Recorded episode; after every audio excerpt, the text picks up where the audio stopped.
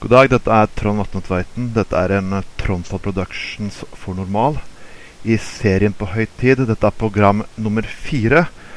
Og i dag går vi til Storbritannia og skal snakke med tidligere MI5-agent Annie Mejean. Annie Mejean, was, was that good? Was, did I talk right now? You did, yes, that was perfect. Thank you. Well, we last time we were in Belgium. Now we're going to go to Britain again. To you, and you are a former MI5. I'm correct. Yes, I was. I was uh, an intelligence officer for the UK Domestic Security Service, which is usually known as MI5, uh, about 20 years ago now. You were the, you that that that way from MI5 to Leap. Mm. That that I find interesting. How did you get from the big bad asses as MI5 to working against prohibition? Well, it was quite a sort of long and tortuous journey. Um, in the mid, uh, I was actually recruited to work at MI5 in 1990. Started there early in 1991, and resigned in late 1996 in order to help my former partner and colleague, a man called David Shayler, blow the whistle on a whole series of crimes that we had seen uh, inside the intelligence agencies in MI5 in that very brief time, six years. And because of this, and because of these secrecy laws in the UK, it meant that we became whistleblowers. We had to go on the run around Europe and live in exile, and we were arrested. And David went to prison twice, and it was it was very messy. And after that, I sort of re- reinvented myself, I suppose, more as a political campaigner, um, public speaker, media commentator on a whole variety of different issues. And in 2008, I was doing a speaking tour uh, about the war on terror, ironically enough, across Canada. And I was approached at the end of one of the um, the, events and um, asked if I'd ever heard of an organisation called LEAP. And I said, well, no, what's that? Um, so it was explained to me that there's this global organisation called Law Enforcement Against Prohibition, which is what LEAP stands for, which is made up of about 150,000 supporters worldwide, presence in 120 countries, and they, uh, the speakers of this organisation comprise of police officers, uh, lawyers, judges, prison officers, parole officers, uh, military, um, customs people, intelligence people, even the odd international drug czar. And we Oh. are part of this organisation because, having worked on the front line of law enforcement around drug prohibition, we knew that this, this failed model was causing more harm than good around the world. So we speak out um, in a sort of educational capacity around the world now and saying, you know, we need to rethink our, our drug treaties, our drug laws. Prohibition has failed and it's caused more problems globally than it has solved. When I first heard of this, So that was my sort of personal journey, yeah. Okay. when I first heard of this organization, I, I, it was by accident really from a YouTube video. You said that all these kinds of people are in the organization, but the organization are nearly. I, I've never seen on the news in Norway. When Mm. I when I talk to people, leap, what the, f- okay, uh, what the fuck is that? Sorry, I can swear. It's my problem. You can me, not a problem. this is not the. BBC. but why haven't I, because I never see this in news. When I see the names on this list, like you, Neil Franklin, and so on, like, with the background you have, like, wow, man, I'm a bad guy with a bachelor in history. Um, why, why is this organization? Why don't media talk about this organization at all? I think there are there are two reasons. One is that it started in America in 2002, Yeah. um, and it started very small, and it was only five former retired uh, police officers who got together and said, "We need to do something about this. It's it's harming our communities so badly. We need to end prohibition." As they ended prohibition in Chicago in the uh, 1930s for alcohol. Um, so it started very much from a, an American position, and it has been incredibly influential there. I mean, Colorado, I think, was the first state to fully legalize the use of cannabis uh, a few years ago. And Leap had an amazing presence in that state in the run up to that election and was the tipping point for the legalization of cannabis there. Um, but for many, many years, it operated pretty much only in, in, in America. Then international groups started to pop up. So there's a wonderful um, Leap Brazil, which has, I think, getting on for 100 current and former uh, judges and police officers who all speak out about the failure of the war on drugs uh, from a Latin American perspective. And in 2012, I was elected onto the LEAP board as the European director to try and build up a LEAP presence across Europe. Now, unfortunately, um, I never made it to Norway to Oh. talk about this issue. You're always welcome here in Bergen. I, I would love to come to Norway. It's it's my ancestral homeland, so I always love Oh. going to Norway. Oh, oh that's Um, but you know, there are groups uh, that have established very effectively in the UK. Particularly, we had a launch of Leap UK in the Houses of Parliament, which was incredibly well attended. Um, only in February this year. There's a wonderfully robust Leap in Germany as well. Um, there are plans uh, in progress to set up a Leap in Belgium and a Leap in France. And if, if there are, you know, activists and uh, law enforcers or former law enforcers who may have an interest in trying to get something going in Norway, I would be very happy to help. That is the next question because, I'm in Norm, Norway. I'm I'm a leader for the local branch, yeah, and I always sometimes talk with people behind closed doors, like the police Mhm. officers and so on. And they said, "Yeah, we are for. We, we understand what you're saying, but it will hurt my career. I will Mm. never lose my job." Why is it so difficult for some police officers to just break the silence? Because we have something in Norway called the poli- uh, the police officers and narcotic union who always use the same old propaganda. If you st- if you if you stare up against them, if you're a police officer, you nearly can lose your job. Why is that so incredibly difficult to blow the whistle here? Yeah, I mean, it is very difficult for any of us to do that, uh, which is why uh, many of the uh, most prominent speakers in LEAP tend to be retired or former. Um, but there are many serving officers as well who do find the courage to do it. And uh, there have been legal cases where, for example, um, they will be told they cannot speak on this subject because they are police officers. Whereas in fact, they are police officers when they're doing their job, but actually in their private life, and if they choose to talk about these things, then they have the right to freedom of expression as a citizen within a functioning democracy. So there are avenues to go down. You can challenge the orthodoxy. Also, I think as well that uh, organisations, particularly like police forces, tend to be very hierarchical, and it's very difficult to try and uh, go against the uh, prevailing orthodoxy. Plus, of course, the police are there to uphold the law as it stands. And this is the problem globally that until the laws are changed, until the UN treaties, which uh, prohibit all these drugs, are reformed, um, then the police, as a job, their job is to uphold those laws, whether they're right or whether they're wrong. But this is what LEAP is there for: is to say, actually, we've been through this, we've worked on this front. Our professional ex- expertise says that no, the the drug laws need to be reformed, and drug laws are not immutable. No law is immutable. Think about it if, um, for example, all laws were immutable, then we would still be burning witches in Europe. Yeah. You know, there would there would be no uh, legal homosexual uh, relationships. You know, all these sort of things. The laws change and are updated to reflect the times. In America, if they hadn't updated their laws, they could still be owning slaves. You know, women wouldn't be allowed to vote, etc., etc., etc. So all these reasons, um, you know, as our societies evolve, as our understanding of the issues evolve, and LEAP plays a very strong educational part in that, then the laws hopefully will also evolve. It's always a very slow process, but they need to evolve um, and end the prohibition. But the prohibition against alcohol lasted for 10 or some someplace 15 Mm. years, and they found it was a big failure. But why didn't this prohibition have gone over for 40 years with enormous amount of money? I I, I, I, I, thought it was like one trillion dollars. Somebody said to me, and um, and so on. Why did it went for 40 to 50 years? Why? I think uh, partly the lessons of history were not learnt by America. Um, you know, the the uh, prohibition of alcohol created this immense uh, underground illegal alcohol trade, and it led to the rise of organised crime. And we've seen exactly the same with the prohibition of other drugs, um, because you know alcohol's a drug too. Yeah. Um, so this has created a, a global crime wave of, of a scale that we've never seen before, ever. But I think um, it was politically useful. I think this is my, my personal perspective.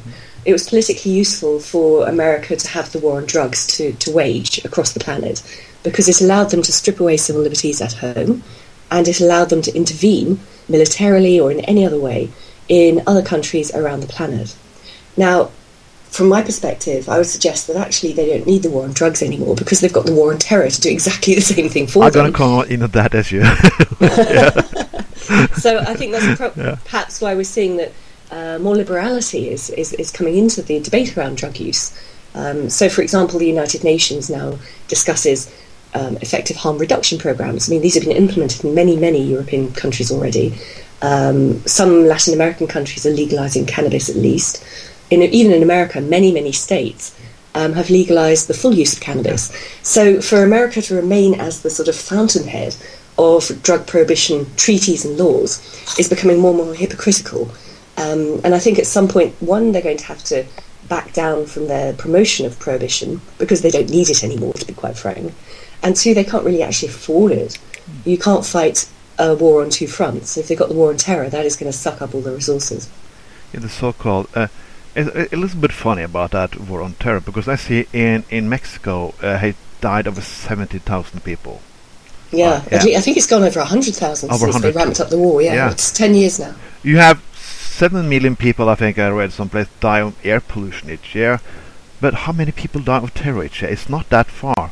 If you did the same amount of the other issues, we'd be- be in a very good state in this world. well, quite, yes. so why is this? But but I gonna I read a, s- uh, a quote here from Jimmy Carter when he was president because he tried to legalize it. hmm And What- he what- was only a one, one um, Term uh, president. period. Yeah, exactly. What went wrong there? Was it was it the FBI suddenly saw that we not get a lot of funding? Because it looked like me that they use they use the excuses to fund themselves to how to keep a war who's never going to win anyway. Yeah, well, you know, the war on drugs has been amazingly lucrative for the military industrial complex, both in America and, of course, increasingly globally. So it's very difficult for them to give up their, um, should we call it a dependency, on the, um, the amount of money that gets pumped into the war on the war on drugs, and particularly in America, where we have um, ghastly laws, things like asset uh, seizures. So if someone is suspected to have any sort of asset that might potentially have come from drug use or something, or drug dealing, um, then their assets can be seized by the local police. And What- that money what? from the sale of those assets is then pumped into the local police, so they've got no incentive not to do it or not to abuse it. But can that that be very dangerous? People can like well, they can just take people's money and goods and Yes, it, it's incredibly dangerous and it's incredibly corrupting for the police. And of course, it, it completely erodes the the trust between the local community and the police, the police and the police. hello. Hi. Oh, there, yes. okay, yeah. But yeah, uh, God, I, I just had to take a sip of my own favorite drug, coffee. Uh, which Norwegian drinks a lot of. Uh-huh. We take a half percent of the world's coffee in Norway, so you. And Really? yeah, we it's very funny. And since I've been drinking something to get through the winter, right? I, I drink warm coffee every time of the year. But, but I cannot stop getting into the race issue here because I saw the ballot now in California. hmm it was uh, saying that you can buy like um, marijuana if you're over 21, but under 21 it can still be a felony. So that Mm. means they some people said, yeah, they do that because an excuse to still put black people into prison. What do you comment on that? I think there's no doubt that uh, the war on drugs in America, particularly, has been used to stigmatise uh, the black community. Um, it, I mean, it's quite marked that you know the civil rights movement was very successful in the 1960s and uh, acquired equal rights for every citizen in America. And then, you know, within a few years, Richard Nixon's declaring the war on drugs, which has been used hugely disproportionately to target um, young black people. And the prison um, population in America is disproportionately swelled with people from this community who have been arrested just perhaps for possession of a bit of cannabis or something like that. And then, of course, you have to look at how the US prison system works, which is very commercialised, where they have a lot of private prisons, where those private prisons are given contracts within the state that um, are guaranteed to have at least 95% occupancy. Now, how are you going to do that? You go for the low hanging fruit legally, which tend to be users. So, um, yeah, I think it's a, it's a sort of modern form of racism too. There's a wonderful um, couple of films out. there. One of them is called The Culture High, Yeah. which explores this in America very clearly. Um, so, you know, I'd recommend anyone to, to have a look on the internet and have a look at the film.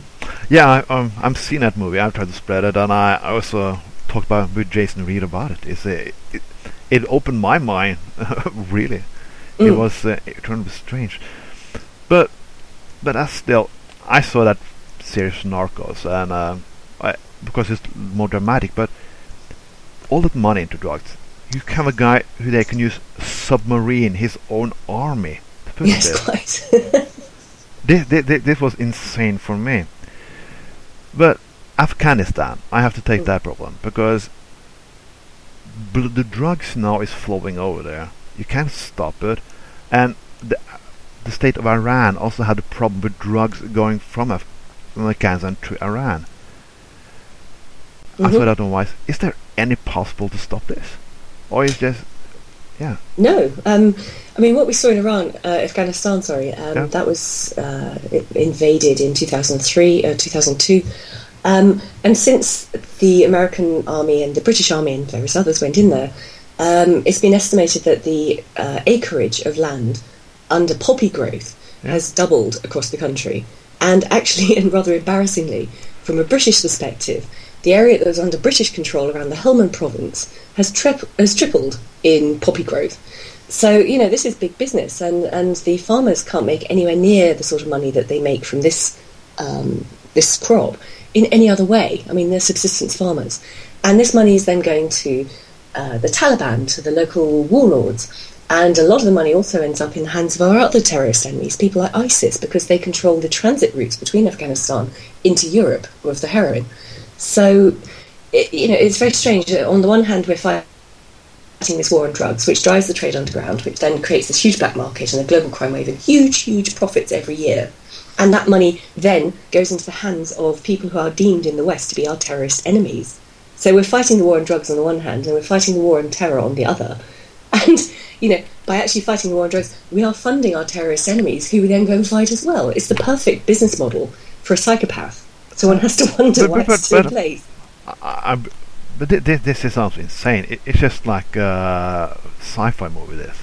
Mm. This is really fucking true, isn't it? Yeah, it is. I mean, this is why I got involved in LEAP because of my um, experience within MI5. One of my jobs was to investigate terrorist logistics, which means you know the um, infiltration and exfiltration of terrorists and their weapons into the UK. That meant I worked very, very closely with the, the customs service in the UK. Their primary work, of course, is trying to stop drugs getting into the country, uh, but the methods are very, very similar. And working with these people, one told me that they they knew that the war on drugs was a failure, but they had to keep, you know, doing their job because that's what they were mandated to do. And two, it also showed me very clearly this massive overlap between um, the war uh, the terrorists' organisations getting their funding from the illegal uh, drug profits. And this goes on around the world. I mean, not just in the UK, uh, particularly at that point with the civil war in Northern Ireland, Yeah. where a number of the organisations were making huge amounts of money from the drug trade. But in Afghanistan today, with ISIS today, even you know um, in Latin America, in Colombia, just tried to broker a peace process for the decades-long civil war with a group called FARC, which is a sort of Marxist insurgency, and that group has, it's been estimated, been gathering about three hundred million dollars per year from the drug trade. It's funded its activities. So you know, all anywhere in around the world, you will see this massive overlap between uh, drug crime and terrorist funding. But you, as an MI5, people in CIA must have seen this for years. Why is not more people do blow the whistle like you do? Because there must be a lot of people that just fuck this. What I, what I'm doing? I, I try to fight for my country, and I'm I'm fighting a never-ending bullshit. Yeah, it's a difficult one. I mean, one there's the sort of uh, the hierarchical, don't you know, cause a fuss, just follow orders sort of mentality. It's also the penalisation of, of anyone who does go public, who does rock the boat and, and, and take on the system. And we've seen this increasing, uh, increasingly from the intelligence agencies, particularly over the last decade, both in America and uh, particularly in the US, where if you go public about your concerns, because you're working for a secret organisation, you automatically face going to prison for exposing the crimes of others. Now, in the UK, we were facing two years in prison per charge. In the Oh. USA, what we've seen um, since President Yeah. Obama has been in power is a war on whistleblowers. So um, he has invoked the law to prosecute whistleblowers, uh, which is the Espionage Act 1917, more times in his eight years as president than all other combined presidents before him in the in the preceding century. And he's locked up people like Chelsea Manning. Yeah. Um, he wants to, you know, lock up someone like Edward Snowden for 35 years minimum. Um, he's after Julian Assange, who's you know the, the publisher yeah. with WikiLeaks, and we've seen many other NSA whistleblowers, um, the precursors to Edward Snowden, people like Tom Drake and Bill Binney and Kirk Wiebe and Ed Loomis, going through the correct channels to try and expose these sort of crimes, and then also still being threatened with 35 years in prison. So it, all these examples are there to deter future whistleblowers. It's saying, don't do this or you will end up like that. You will certainly lose your job, your professional status, your income, all the rest of it, and you will probably lose your liberty for the rest of your life. That's a pretty strong message to send to anyone who is concerned about um, the the status, you know, rocking the status quo. But this comes from the most progressive candidate, and it looks for me. I just, yeah, I, right. I just, I lost all my illusion. Who's going to vote for? I, I was a Bernie guy, for God's sake. Uh, oh God, I, I, my mind gets fucked up here now. But uh, I, people also blow the whistle who says something else than the political political consensus, also getting problem. I said David Nutt, who was sort of mm. scientist. Yeah. He also lost his job just saying that there, uh, the science wasn't there. Yeah. No, I mean he's fantastic. I, I know David Nutt. Uh, Professor David Nutt was the uh, governor's advisor uh, yeah. around um, drug issues, and about ten no, I'm trying to think now, fourteen years ago I think it was he uh, lost his job because, based on his scientific research, he said that ecstasy, um, as a drug, caused fewer deaths than someone wanting to ride a horse or something. He said, you know, so he's since then he's done an incredible amount of research into the relative harms of all drugs, including alcohol and tobacco. Um, not just looking at the sort of physical effect on the body, but also the societal cost. You know, alcohol creates a lot of social violence and fights and things like that, or the cost of, of the crime associated with certain drug uh, financing, drug dependencies. And his clear, clear outcome was that alcohol is the most damaging drug there is out there, and yet this, is a legal drug for various historic reasons emanating from the uh, from Europe. So his uh, yes, he he lost his job for that. However, he um, has continued with his research and is in fact working very closely with an organisation called the Beckley Foundation in the UK, which funds precisely this sort of research into the relative harms, costs, or even benefits, of course, we always forget this bit, of currently illegal drugs. And the Beckley Foundation does this so that it can produce hard scientific facts with which to um, influence the political discussion around the war on prohibition, the drug prohibition. And they, of course, also want to end drug prohibition because of all the various harms it does. In the 90s, there was the people uh, I remember had an a- a- a- action. So that like they want to legalize the debate because I see the politician don't even dare to think so. I've seen some people in the Liberal Party in Britain do that. But why is this debate illegal in itself? I lost my job in two radio stations, for God's sake. and I really wonder why. Haven't you legalized the debate? Uh, quite. I mean, what about freedom of expression? Yeah. We're supposed to have in our democracies. Um, I think it's slightly more difficult in the UK because we don't have a written constitution. It's no. something that's evolved very historically on case law, and nothing's really enshrined uh, to set out very clearly the rights and the responsibilities of the government and of the citizens. So um, everything has to be tested with a, a, legal case to establish that precedent, which of course makes it very expensive um, and very frightening for any citizen to then try and enforce that issue and go through the court case. So that's a bit of a problem. Um, however, I, I, mean, even in the UK, where we have these issues, uh, we've got a wonderful new UK Leap uh, run by Neil Woods, a former undercover cop, and also Jason Reed, who's an amazing activist. yeah, we had, a, we had him on the show too, a great guy. Yeah yeah. And, um, you know, even in the UK, because of their work and other good policy organisations, the debate is shifting. Um, so we've had the former Deputy Prime Minister, Nick Clegg, uh, call for the decriminalisation of drugs and a proper debate. We have oh. businessmen like Sir Richard Branson, again, saying, you know, let's end prohibition. And crucially, we have top serving police officers like Chief Constable Mike Barton up in the northeast of England, saying that you know effectively the war has been lost. Let's not criminalise people who choose to use. Let's treat them if they if they develop problems. The the fifteen percent estimated fifteen percent of drug users who go on to develop health problems. Let's give them health interventions, and that's that's hmm. so you know logical, so rational, and it's becoming more mainstream, but it's very slow. Our political class still seems very frightened of the uh, what they they call the sort of older right wing voters. Yeah, but I'm going to list, uh, read for you a statute they have with police uh, laws in Norway. It stands that you can surveil people. You should, the police should have an eye on the people who's discussing legalization of drugs. that is an offer statute they had. What, what have you thought about that? This is I Norway. that's appalling. Um, and you know, I, I have looked at, at Norway for many years, particularly after the um, awful terrorist attacks by Anders Breivik, and I was awed with the response of the country. You know, it, it wasn't let's have an immediate security lockdown. It's let's heal as a country, um, and you know, it, it just came together. It was almost like a sort of textbook case of how Western countries should react to these sort of attacks. So, for the law to then penalise people who are trying to peacefully and through civic means reform a law within their country, I find that absolutely shocking, particularly because it's Norway reacting in this way.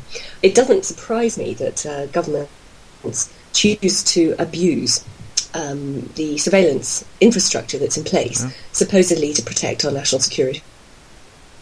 Um, you know, this is something Edward Snowden and many others have laid bare over the last few years. The sheer scale of this surveillance state and how it is actually breaking our laws, it's breaking our constitutions. Um, but for that to be used then to focus on on uh, civil liberties activists, on on political activists, is just way way beyond what even they can claim would be proportionate and rational within a democracy. Oh, I guess some police officer will be very angry because I, because I asked this question. but, but I really, I really, am a, I- I'm in a state now that I really don't care.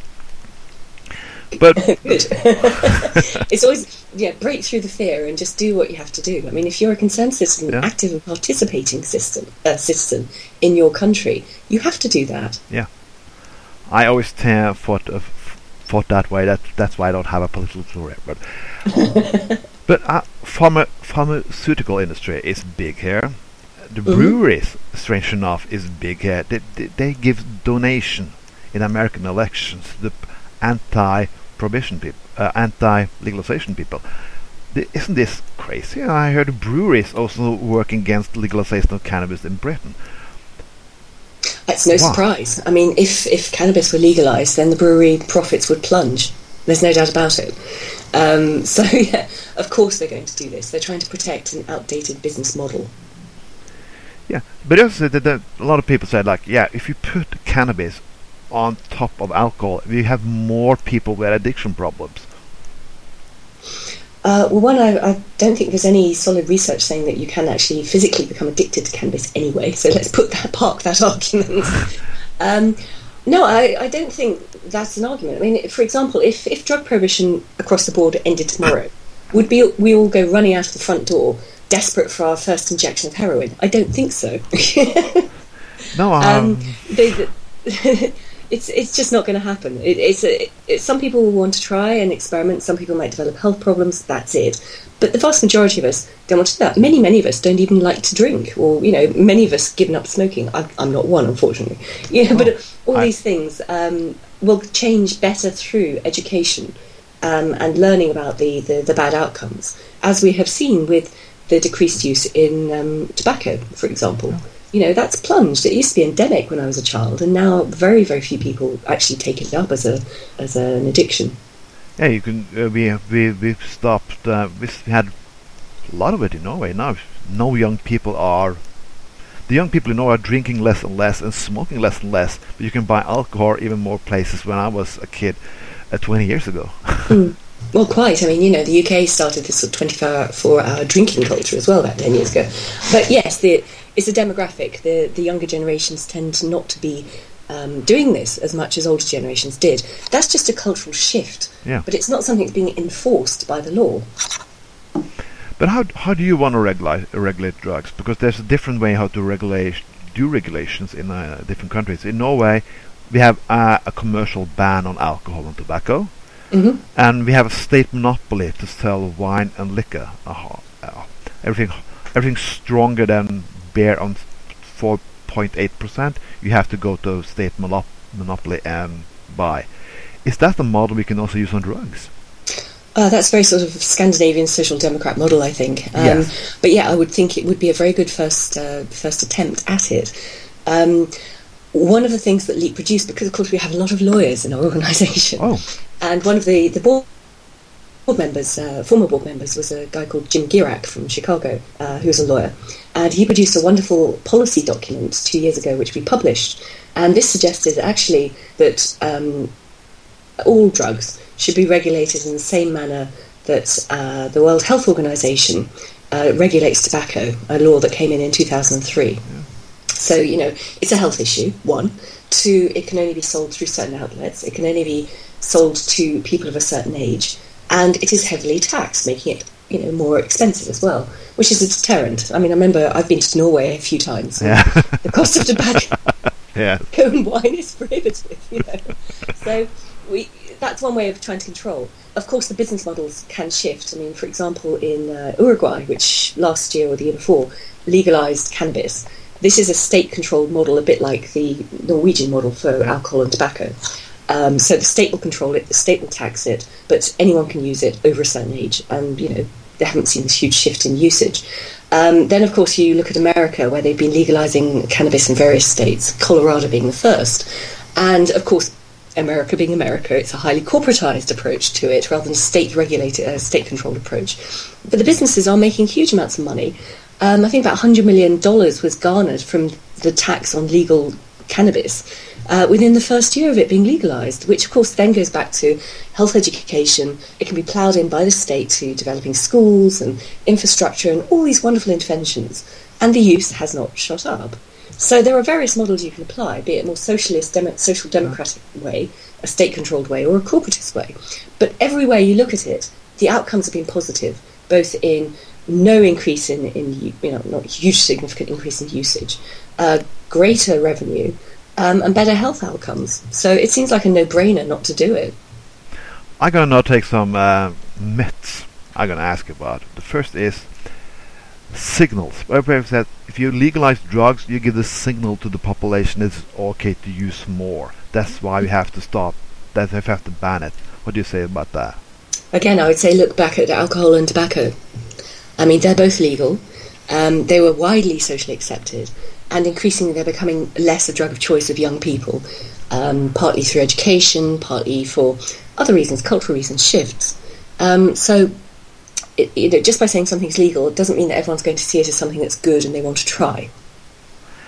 The next one is the, is the gateway drug because they they always said in Norway like oh yeah everybody who started on heroin started with cannabis. I know it's bullshit, but mm. what is your take on that? I think uh, people who experiment with the, the, harder end of drugs tend to for all sorts of other reasons. Um, you know, the damage is, is within themselves. You can be addicted to heroin, you can be addicted to gambling, you can be addicted to sex, whatever it is. What you're addicted to is something that will release the dopamine in your brain um, to to blot out pain or to give you pleasure or whatever it is. That's the issue that needs um, approaching when you're talking about addiction. Those who develop health uh, issues, dependencies, whatever. Um, and I don't think cannabis is. I mean, if anything, I would suggest that um, tobacco would be the the, yeah. the, first drug that most people would try, or coffee. You know, I mean, coffee's been banned in, in European countries in, in the last few centuries sometimes yeah. because it's seen as too much of a stimulant. So I think we'd be even more boring in Norway if we didn't have that coffee. But uh, that that's what would wake us up in the morning and uh, give us reason to go out in ten degrees minus. But uh, that that's me. Uh, uh, I, I I hope you you saw the American election. You had the same nightmares at me, and you feel a need for a drink. But the Trump wall, a wall gonna stop the drugs. Hmm. Well, you're an MI5 agent. You just the word bullshit is I think I think is the word you can use on that. All right. Yeah, absolutely. I mean, the wall didn't work in Berlin, no. um, and the wall that's being built in Israel is not working either. Um, I don't know. I mean, I get the sense that Trump um, made some very inflammatory statements to grab the headlines. I mean, he's an art showman. Let's not forget this. Oh. Um, but actually, the the uh, victory speech he gave when he won yesterday was much more measured and much more gentle, um, and I thought was actually rather statesmanlike. So I, I, don't think we should worry too much, perhaps, about what he is, uh, what he has said on the campaign trail. I would suggest that, and give him a chance. I mean, my personal perspective, if I had been an American, I would I would have really wanted Bernie Sanders to, Yeah. to be the Democratic candidate, and I would have voted for him. I mean, he's a, you know, he's basically a sort of middle ground social socialist uh, Democrat of the European flavour. We have a lot of them in Norway. I, I don't find any, in, anything controversial about it, but No, exactly. I mean, you know, healthcare for all. Wow, Yeah. that's, that's radical, right? I mean, I'm from Britain. We have the NHS. Yeah. But I think um, if he'd stood against Trump, then he, Bernie Sanders probably would have won. Not because of the politics. I think it was more that the the main impetus in the American elections was just for change, to get away Yeah. from this sort of elitist stranglehold in Washington. Um, there was a register of, of, you know, just pushing back against it, and no, we're going to have a say now. So I think if he'd been there as a more attractive, more palatable um, uh, candidate for change, then perhaps Trump wouldn't have won. But they certainly weren't going to go for any of the mainstream. And we saw this again in the UK with Brexit as well. A sense of, you know, this is one vote where my vote actually might count yeah. because it's not just a first past the post type vote in the UK with Brexit, it was a referendum. So it's, it's part protest, it's part sticking it to the elites. Um, but, you know, it, it should not be dismissed for that. It means that the, the political elites are not offering anything that is of interest to most people, most normal people.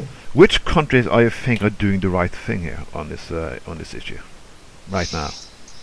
Um, there are two strands. One is the harm reduction side, where Yeah. you're not criminalising the users, um, and the other would be the campaigning to end prohibition to take the drug trade out of the hands of criminals and terrorists. So it's a two pronged attack, I would suggest. So, um, of course, many of the European countries have been doing great work on harm reduction over the years. Uh, specifically, of course, the Netherlands Yeah. with legalised cannabis smoking, Switzerland with the, the prototype of the safe heroin injection rooms, and Portugal um, 15 years ago, decriminalising all drugs. So they've really been the trailblazers, and many other of our European countries have followed in their footsteps. Even France, I think last month, um, has set up its first safe injection rooms for people who choose to use heroin. So that's good. Um, also, I think Latin America is is really sort of the beacon at the moment because so many of those countries, which have been ravaged because they are the producer countries of so many of the drugs that we choose to use, in, uh, you know, in America and, and Europe, so many of those countries have been um, ravished with violence um, and subversion of, of government. Um, so many of those governments are now coming together and saying, actually, we do need to rethink at the top level the U- UN drug treaties that are compelling every country around the world to fit into one size fits all type law enforcement around drugs, which is a load of rubbish, to be quite frank. So I think you know it, Europe and uh, Latin America. Europe in terms of the, the harm done to people. Latin America in terms of policy have been fantastic, and it's interesting watching the states because so many states now, independent states within uh, the USA, are changing their their view at least of cannabis use. So I think the domino effect is beginning, and I can see that the war on drugs will come to its natural and much anticipated end, hopefully within the next decade. Yeah, because you still have the UN laws, and I, I saw that meeting they had in April. That was not very good news. And we had the situation on the Philippines and places in Asia where the drug law are so strict that they kill people without law, Mm. law and order. Yeah, no, it's a problem. I mean, the UN is uh, a terrible system because uh, everything. I've been there many times um, representing LEAP with many of my other board director fellows, and because it works on um, everyone having to agree rather than a majority vote. Um, it never moves. It, it's very difficult. Having said that, uh, when I first went in 2012, even talking about harm reduction and decriminalisation was forbidden. And their discussion now at the Commission on Narcotic Drugs in Vienna, which happens every year, has moved to let's talk about harm reduction, but they won't go any further than that, which is a reform reformation of the UN drug treaties. Now, America used to be the fountainhead of this, but it's lost its its moral high ground, should we say, Yeah. because of all the cannabis legalization that's going on. So they've sort of outsourced it to Canada, but Canada's going to lose that position because they're about to legalize cannabis too. And then they've outsourced it to countries like um, Russia and some of the Middle Eastern countries. Now, yeah, but you have a situation where if the drug treaties, which is this global one size fits all, came to an end, then yes, there will still be countries uh, within their own national boundaries for whatever cultural reasons or religious reasons or whatever who choose to penalise drug users. But that will be their sovereign decision. And the people of that country can um, campaign to change that sovereign decision, for example. So you get rid of the death penalty in Saudi Arabia or Iran or, the Philippines or whatever. Um, but at the moment, we're all caught in this sort of drug prohibition straitjacket, which does not fit most of the world now. No, it's horrible. Uh, to, uh, Mm.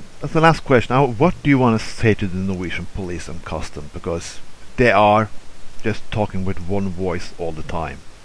Even a few days ago, they said, like, yeah, the laws is sending a signal, we have to keep them up, we have to prepare them in prison. What is your message to the Norwegian politicians, especially the, and the police in Norway? Especially the Mm. police. What do you want to say to them? I think um, I recognise that they need to uphold the law of their land. They need to uphold international law. They're doing their job, but that doesn't mean that they become uh, police robots. They are also sentient human beings, individuals, and citizens um, who've probably gone into a job where they want to make a difference. You know, protect their fellow citizens, help them. That's why you go into the police. Yeah. And just to take that further, therefore, if you see the harm that um, an unjust law is doing, as a private citizen, speak up about it. Make your voices heard. Many of us do. And it, I think it's the greater service to our communities, to our societies to do that than to just follow orders. It was very nice to have you on, Anne. Oh, my pleasure. Thank you very much for inviting me. You're welcome. Dette var en uh, Trondpod Production i serien For normal på høytid nummer fire. Du har hørt Anne Machon. Vi går tilbake neste gang med enda mer. Ha en fin dag.